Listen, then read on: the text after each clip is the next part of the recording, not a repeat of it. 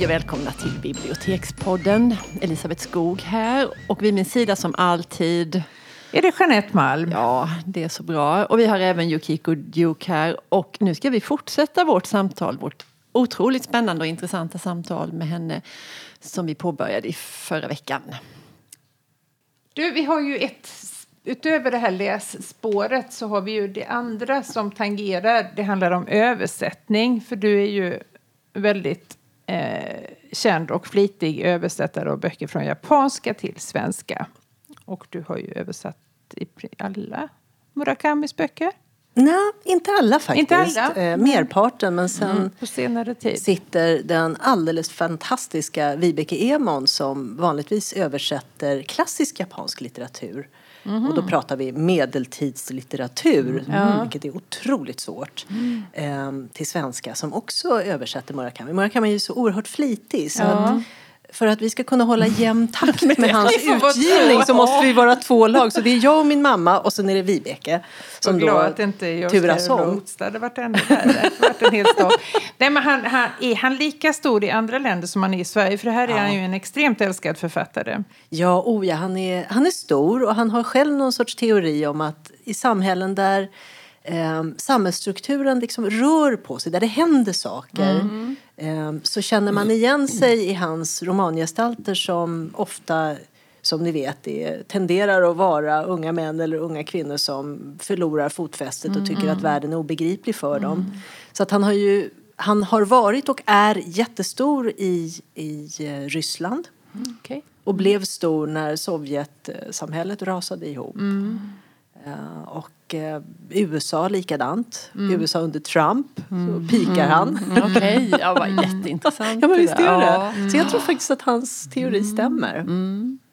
Träffas ni? Ja, oh ja. Det gör, oh ja, oh ja, det gör vi. Um, jag är framförallt en väldigt god vän med hans hustru. Och Haruki han håller sig gärna för sig själv och skriver och lyssnar mm. på jazz och sådär. Ja, men jag hörde att han är en ganska tillbakadragen ja, person som oh, inte ställer, eller blyg till och med. Ja, han är blyg och eh, väldigt, eh, har väldigt hög integritet mm. också. Mm. Um, men var det inte någon spännande historia när han var i Sverige för några år sedan och det, någon som sålde jazzskivor ute på landet någonstans att han liksom for iväg. Eller har jag hittat på det här? Känner du landet det? inte, men Nej. jag vet ju att han eh, helt plötsligt dyker upp på Pet Sounds i Stockholm ja. som är en sån här kultbutik ja. eh, för vinyler. Mm. Uh, och eftersom jag känner ägarna där så sa de, de ringde mig och sa men Alltså jag tror inte det här är riktigt klokt men jag tror att jag har Haruki Murakami i butiken. Wow. Ja, så jag, jag har skickat dit honom. Ja, Nej men han åker helt plötsligt så, mm. så, så, man, man, skriver ihop en liten lista till honom för, på de butiker man vet mm. som har, har mm. riktiga vinylskivor. Ja. Det är ju några ja. stycken i mm. varje stad och i mm. Stockholm då ett antal. Och sen kommer han tillbaka och så säger han, jag, jag var borta någon ställe som heter Bergshamra. Ja men gud, mm. det är ju nästan borta vid universitetet. Mm. Hur långt ut har du åkt egentligen? Mm. Nej, jag tittade på internet och det verkade finnas en bra mm. skivshop där så jag åkte dit. Så han är ganska självgående och mm. han tar sig precis var som helst för att hitta jazzskivor. Mm. Och Sverige är ett bra jazzland så ja. att han älskar Sverige. Ja men vad gött. Och är ofta i Sverige lite sådär inofficiellt. Mm. Spännande. Ja men visst är det. Det är supercoolt. Tror du att han får Nobelpriset någon gång eller är det rökt nu? När... Jag tror att det är jätterökt. alltså, jag, ingen skulle ju bli gladare än jag om han fick Nobelpriset Nej. och jag tycker absolut Alltså han är ju precis som Joyce Carol Oates en sån där författare som är extremt produktiv. Mm. Och det tror jag ligger honom i fatet. Mm. Mm. Det gör ju att um, var tredje bok är en mellanbok i alla fall. Mm. Mm. Han håller ju en enormt snabb takt med skrivandet. Och det där, men de romaner som är bra är så oerhört bra. Ja. Och är sådana fina speglar av vår tid att jag tycker absolut att han skulle vara värd det. Men jag tror inte att det kommer att hända. Mm. Men nu när Bob Dylan kan få Nobelpris ja. och... Ja. kan överraska. Nej, men den här akademin känns så uh, oförutsägbar ja. så att uh, man vet inte. Nej. Nej, vi får väl se. Men det här med översättargärningen, sådär, eh, när du sitter där och översätter och ska få det här i svensk språk. Känner du någon gång sådär att du, att du skulle vilja göra texten bättre, ännu bättre? Att du kommer på något smartare liksom? Åh, oh, oh, nu sitter jag här och kvider! nu översätter jag ju inte bara Murakami utan Nej. det är ju rätt mycket annat också. Mm. Och, Men att du kan få till det lite. Ja. Det här skulle ju vara mycket snyggare. Liksom. Ja. Och ibland får man tillåta sig det. Säg ja. inte det till Nej. någon annan. Men ibland får man faktiskt mm. tillåta sig det. Det tycker jag. Och det är ju en, en väntjänst man gör författaren. Mm. Sen är det ett och annat som blir obegripligt på svenska. Och då brukar jag eftersom jag då översätter författare som tack och lov i livet mm. fortfarande mm. så kan man ju då lyfta på luren och ringa ja. de här människorna mm. och säga nu står det så här mm. och den där fisken finns inte i Sverige. Kan vi säga makrill istället? Mm. Eller, ja men ni vet, det kan vara allt ifrån sådana små detaljer till Um, hur ska jag översätta det här som är så specifikt japanskt mm. kulturellt? Mm. Som ingen förstår. Som ingen förstår. Nej. Får jag säga det här ordet på japanska och sen säga det är ungefär som eller får jag mm. lägga till det? Eller ska jag mm. lägga det som en asterisk och lägga det längst bak någon sorts teckenförklaring? Eller, ja. Så brukar man ha lite sådana överläggningar med sin mm. författare och det brukar lösa sig. Mm. Ja. Ja, det måste ehm. vara så himla svårt. Jag tänker ordvitsar och sånt där ja. som bygger på någon allmän kunskapsbank som kanske liksom... Som är gemensam i ja, kulturen mm. men inte säger en svensk Nej, någonting. Precis. Nej, och det, det märker man ju också på en tafflig översättning. Så, oh ja. För, så, mm. ja, eller om de har alltså, översatt fel när man då förstår att det här är en solklar anglicism. tänker man nej. Alltså, då stör det mig när jag mm. märker att det är en översatt bok. Ja. För idealet är ju att man faktiskt inte tänker, tänker. på att det är en översättning. Det måste vara så svårt. Jo men det är det och det där är ju lite grann beroende på vilken författare man översätter. Mm. Um, och det märkliga är ju att författare som är dåliga i original ja. de är ju väldigt mycket motigare att översätta mm. till svenska. Så att jag brukar ju alltid be att få läsa de romaner som jag får förslag om att mm. översätta mm. innan, ordentligt innan mm. jag sätter mig och, och översätter. Och då händer det att du nobbar? Ja, oh ja. ja. Mm. Vi pratar också om att det är väldigt mycket prat om Murakami som är på allas läppar. Men finns det någon annan japansk författare som du skulle vilja slå ett slag för? Oh, det finns massor. Det finns både författare i det förgångna mm. som man skulle kunna lyfta fram men också en hel del moderna författare. Mm. Det finns en hel generation med kvinnor någonstans mellan 40 och 50 mm. som är hur bra som helst mm. och som skriver om samhället i Japan nu men på ett sätt så att jag tycker att man faktiskt borde kunna känna igen sig här. Det handlar ju väldigt mycket om, om eh, män och kvinnor mm. och mansroll och kvinnoroll i ett samhälle i förändring. Mm. Um, och lite grann, alltså hur ska man vara mot varandra och vad är ett gott liv egentligen? Mycket mm. frågor om det och i synnerhet i Japan där man efter andra världskriget bara har ägnat sig åt att försöka bygga upp landet. Mm. Och de två första generationerna efter kriget verkligen ställde upp på att jobba hur mycket övertid som helst utan att ta ut lön och så vidare. och så ja. vidare. Men nu, den unga generationen vill inte ställa upp på det här. Den unga generationen vill ha livskvalitet. Mm. Och deras föräldrageneration säger men vad håller ni på med? Mm. Hallå? Mm. Ehm, och kvinnor vill ha större frihet och inte höra att de inte ska få göra karriär därför att ja men ganska snart ska ju du gifta dig och skaffa barn så att vi kan inte mm. satsa på någon utbildning på dig därför att du försvinner ju ändå bara från företaget. Ja, mycket sånt. Så att, nej men det finns många, många, många, många som man skulle kunna översätta tror jag. Och jag märker ett intresse hos de svenska förlagen. Mm, mm. Att det finns ett sug och i synnerhet, jag vet inte varför, men mm. efter kvinnor. Mm. Kvinnliga författare. Och höra kvinnliga erfarenheter från mm. Japan. Så det där hoppas jag på. Ja, det hoppas vi att många här personer hör detta här nu ja. och tar tag i saker. Ja. Mm. Jo, översätter du från andra hållet också då eh, svenska författare till japanska? Nej, det gör jag inte. Det gör min mamma som ja. har bättre koll på japanskan. Mm. Mm. Det är ju så att man översätter till det språk som man är starkast på. Mm. Okay. Och det, ja, mm. därför att um, det går ju att slå upp ord på i det original som du ska jobba med. Mm. Men sen ska du ju omforma det så att det blir fint på det andra språket. Mm. Så att det andra språket måste alltid vara starkare än det, ja. Det språk du översätter ifrån. Yep. Och där känner jag att jag pratar bra japanska men mm. inte så att jag känner att jag har alla nyanser på paletten heller. Ja, jätteintressant. Så spännande. Ja, då har vi bara sista punkten kvar. Ja. Nu ska vi ha högläsning. Ja. Ska vi ha högläsning? ja. Sagostund med nu, Jeanette, Elisabeth och Jocke. Absolut. Ja, det ska, nu knyter vi ihop säcken här och vi slutar där vi började med det här med riktigt bra böcker, vad är det som utmärker dem? Och, och vi här på bibblan så brukar vi springa till varandra, jag och Jeanette och några andra ibland. Så där, men hör här, hör här, du måste höra detta. Det är så himla bra. Och så läser vi lite för varandra. Det är en av jobbets stora fördelar. Då kan man känna sig så lycklig när man får något uppläst för sig. Eller att man har någon att springa till när man är någon som fattar hur bra uppfylld det är. av det här mm. man har läst. Detta tänkte vi nu överföra i podden. Så vi har förberett oss här allihopa för lite uppläsning. Och vi brukar låta gästen börja. Och herregud, och gästen har två böcker som man ja. inte riktigt vet vad hon ska välja. Nej, men det går bra med båda tycker vi. Oj! Ja. Herregud. Ja, då skulle jag vilja börja med Jamaica Kincaid som mm. är eh, en författare som kommer från Antigua.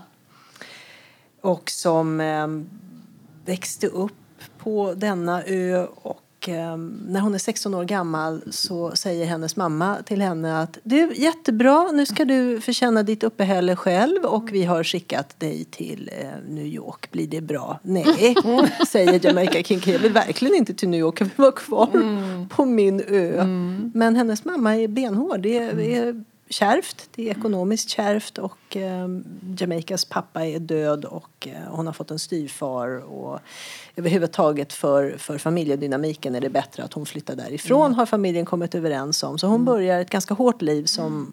au pair i en familj i New York. Men hyser fortfarande drömmen om att få studera. Mm. Vilket hon gör på kvällskurser och är så otroligt vass så att hon mm. lyckas läsa sig till en massa stipendier, börjar på universitet, börjar ganska omgående att skriva eh, blir kolumnist i en massa framstående mm. tidningar ja, och debuterar. Oh. Eh, oh, jag ja. tänkte hennes eh, debutbok som heter På flodens botten har kommit ut ganska nyligen mm. på svenska.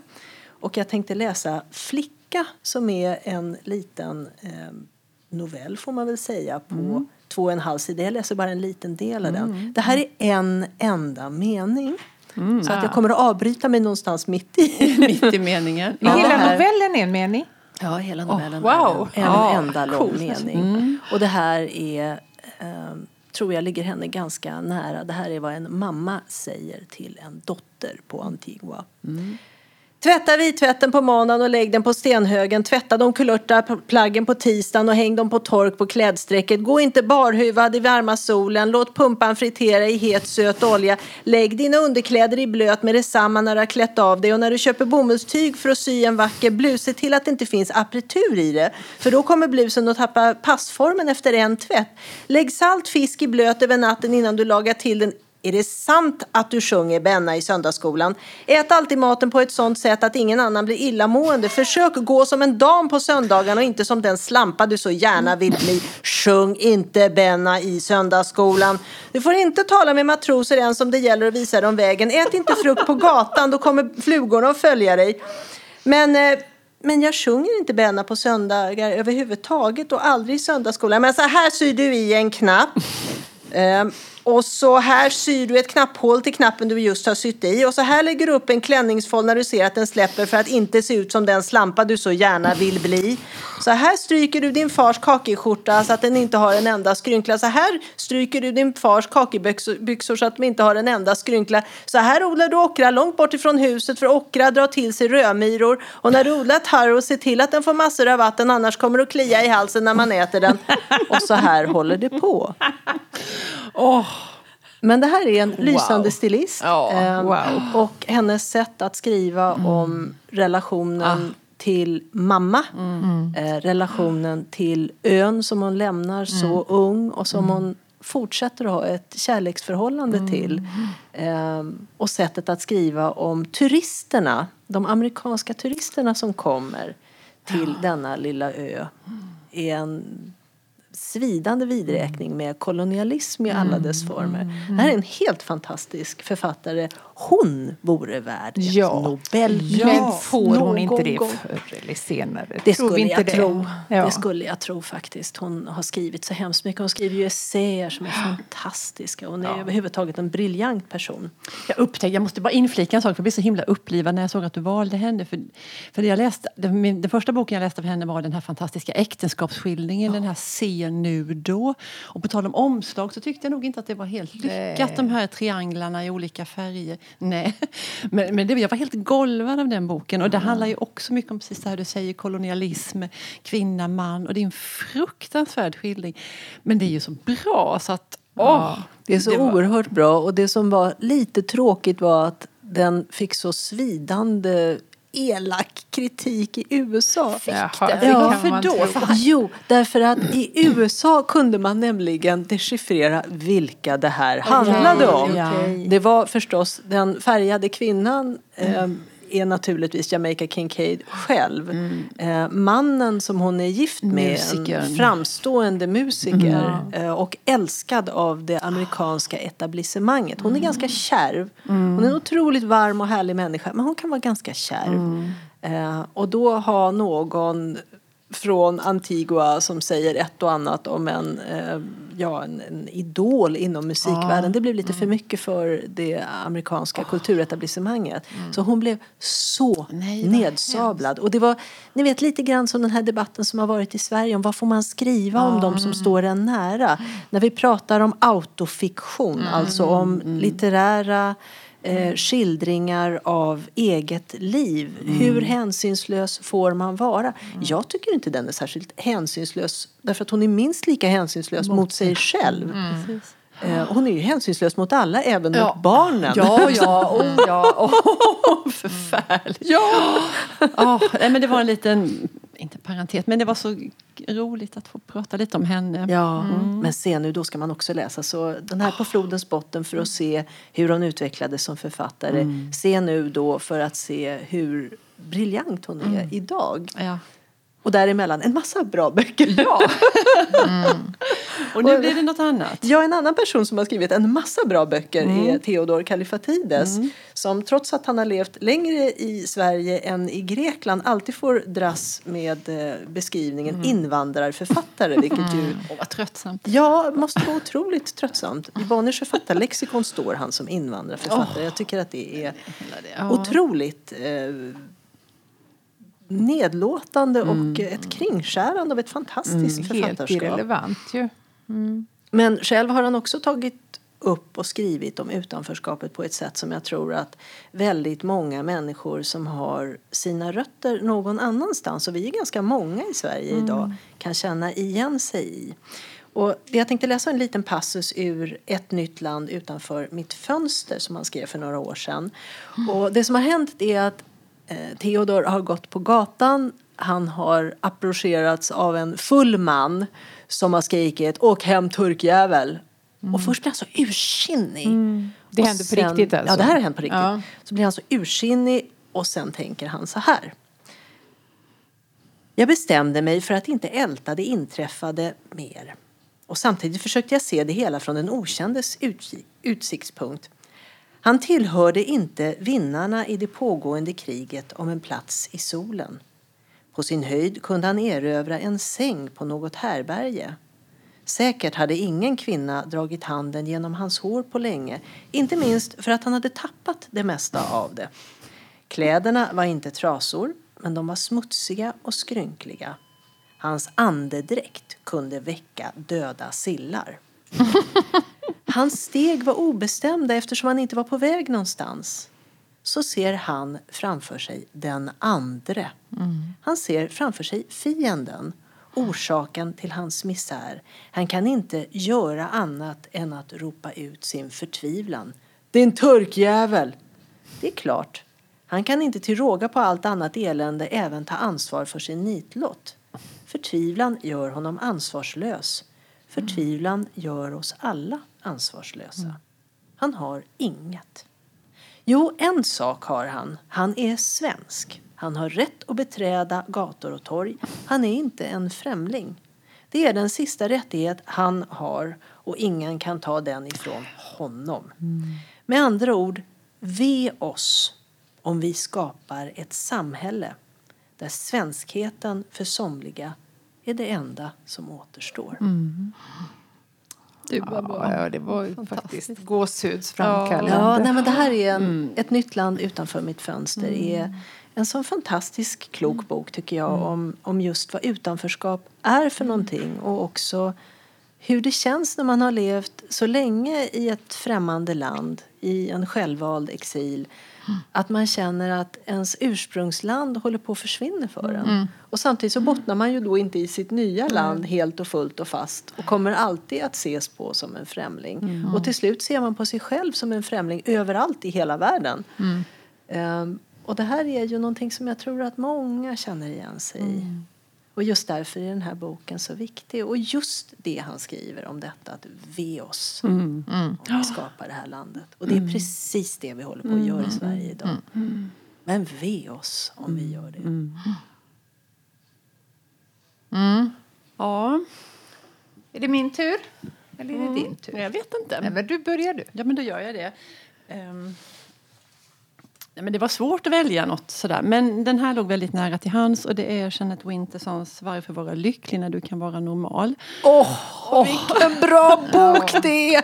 ja men det är ju det. Och där finns ju så himla mycket att hämta ur den. Jag ser det för det är väldigt många lappar Jag har många lappar på många boken. ställen. Ja, nej, men jag återvänder till den lite då och då. För, ja. för dels är ju själva hela hennes den här uppväxtsituationen och den här galna eh, adoptivmamman och mm. ensamheten och sådär. Men det jag tänkte uppehålla mig vid vid nu i den här stunden det är det här att den här boken också är en sån hyllning till litteraturen. Och mm. på ett vis kan jag tycka att den skulle vara obligatorisk läsning för alla människor och inte minst oss som håller på med, med böcker. Fast vi kanske redan är frälsta. Men ibland kan man glömma bort lite vad det är vi håller på med. Varför mm. är det här så viktigt? Och ibland kan det vara så tycker jag med de mest självklara sakerna. Att de är så självklara så man glömmer bort. Varför mm. är det så här? Så är det för mig. Men då kan man slå upp sidan 14 i, i den här boken. För um, den här unga Jeanette har det minst sagt väldigt jobbigt. Men hon har upptäckt biblioteket och hon läser från A till Z där i det lilla folkbiblioteket där hon bor. Um, och hon har, att hon säger att hon har det jobbigt är ju en underdrift. Men då finner hon saker i, i litteraturen. Och hon skriver så här. Jag tror på skönlitteratur och på berättelsens kraft. För det är så vi talar i tungor. Vi är inte tystade. När vi är svårt traumatiserade upplever vi alla att vi tvekar, vi stammar. Det blir långa uppehåll i vårt tal. Det stockar sig. Vi får tillbaka vårt språk med hjälp av andra språk. Vi kan vända oss till dikten, vi kan öppna boken. Någon har varit där för vår räkning och dykt djupt efter orden. Och det där sista tycker jag är så himla bra, mm. så det säger jag en gång till. Att någon annan har varit där för vår räkning och dykt efter orden. Mm. Det tycker jag är liksom nästan kvintessensen av väldigt mycket av vad det här handlar om. Att det är någon annan som sätter mm. ord. Och att man är lite mindre ensam och det kan kännas lite gött någonstans i alla fall. För att mm. det är någon som har oh ja. satt ord på just det här. Så tack Jeanette för att du har skrivit ner detta till mm. oss. Och det är så fantastiskt. Hon var ju på Kulturhuset i Stockholm för några år sedan mm. och skulle prata om mm. den här boken. Mm.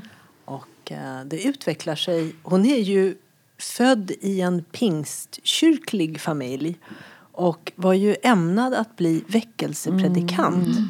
Så vad hon håller på Kulturhuset oh. är ett väckelsetal Mål. för litteraturen. Häftigt. Och det var verkligen så här, hon ignorerade den stackars människan som skulle vara samtalsledare. Går fram till scenkant och säger Vänner, litteraturen kommer att frälsa oss. Och det var ju mm. hela publiken, Stockholmspubliken som är lite sådär lite reserverad. Mm, mm. Satt ju och gjorde våg. Åh, oh, oh, vad häftigt. Ja, det var underbart faktiskt. Oh. Det var underbart.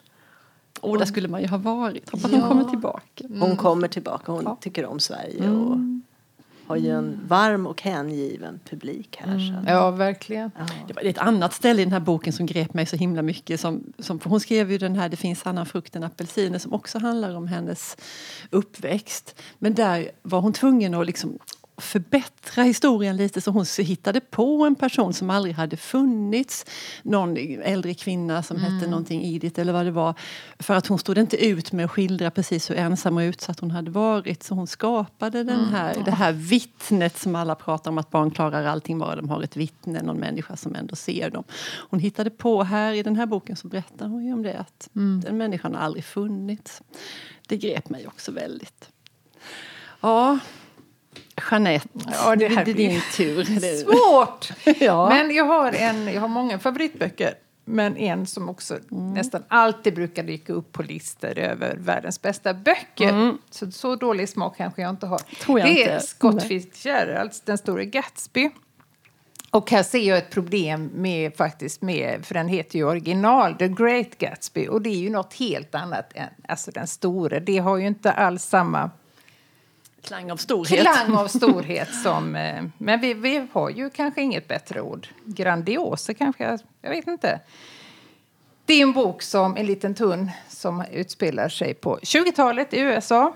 Berättaren är, kommer inte ihåg vad han heter, men han är granne till ett hus där det pågår oerhört stora och påkostade fester. Och det tar ganska lång tid innan han eh, får träffa personen Gatsby då naturligtvis som står bakom alla de här festerna. Och här är en skildring som jag tycker är helt fantastisk. Hör nu bara. Hela sommarkvällarna hördes musik från min grannes hus. I den blå skymningen i hans trädgård svärmade män och kvinnor omkring som fjärilar bland viskningar och champagne och stjärnor. Vid flodtid på eftermiddagen såg jag hans gäster dyka från tornet på hans simflotte eller ligga och sola sig i den heta sanden i hans badvik medan hans två motorbåtar rev upp sundets vatten i sprutande skum boxerade surfingbrädorna. När lördagen och söndagen kom blev hans Rolls Royce en omnibus som fraktade sällskap till och från staden mellan klockan nio på morgonen och långt efter midnatt medan hans sportvagn skuttade som en livlig gul skalbagge för att möta vid alla tågen. Och på måndagen gick åtta tjänare, däribland en extra trädgårdsmästare, hela dagen med kvastar och golvmoppar och hammare och trädgårdssaxar och sökte avhjälpa nattens härjningar. Varje fredag kom fem stora lådor apelsiner och citroner från frukthandlare i New York. Varje måndag bars samma apelsiner och citroner i form av en pyramid utpressade skal ut genom köksdörren. Det fanns en maskin i köket som kunde pressa saften ur 200 apelsiner på en halvtimme. Bara genom att en betjänt tryckte tummen 200 gånger mot en liten knapp. Åtminstone en gång var fjortonde dag kom en skara dekoratörer med flera hundra meter tyg och massor av kulörta lyktor för att smycka Gatsbys väldiga trädgård så att den glänste och glimmade som en julgran. Bord dignade av rätter dukades fram. Griljerade skinkor trängdes med sallader i de brokigaste färger med läckra spädgrisar och kalkoner som trollats om till mörkt guld. I stora hallen fanns en bar med äkta mässingfotstöd fullproppad med gin och andra styrkedrycker som så länge hade varit försvunna att de flesta av de kvinnliga gästerna var för unga för att kunna skilja den ena från den andra. Oh. Ja. Nej, men det, är, det är en riktigt bra bok, eh, tycker jag.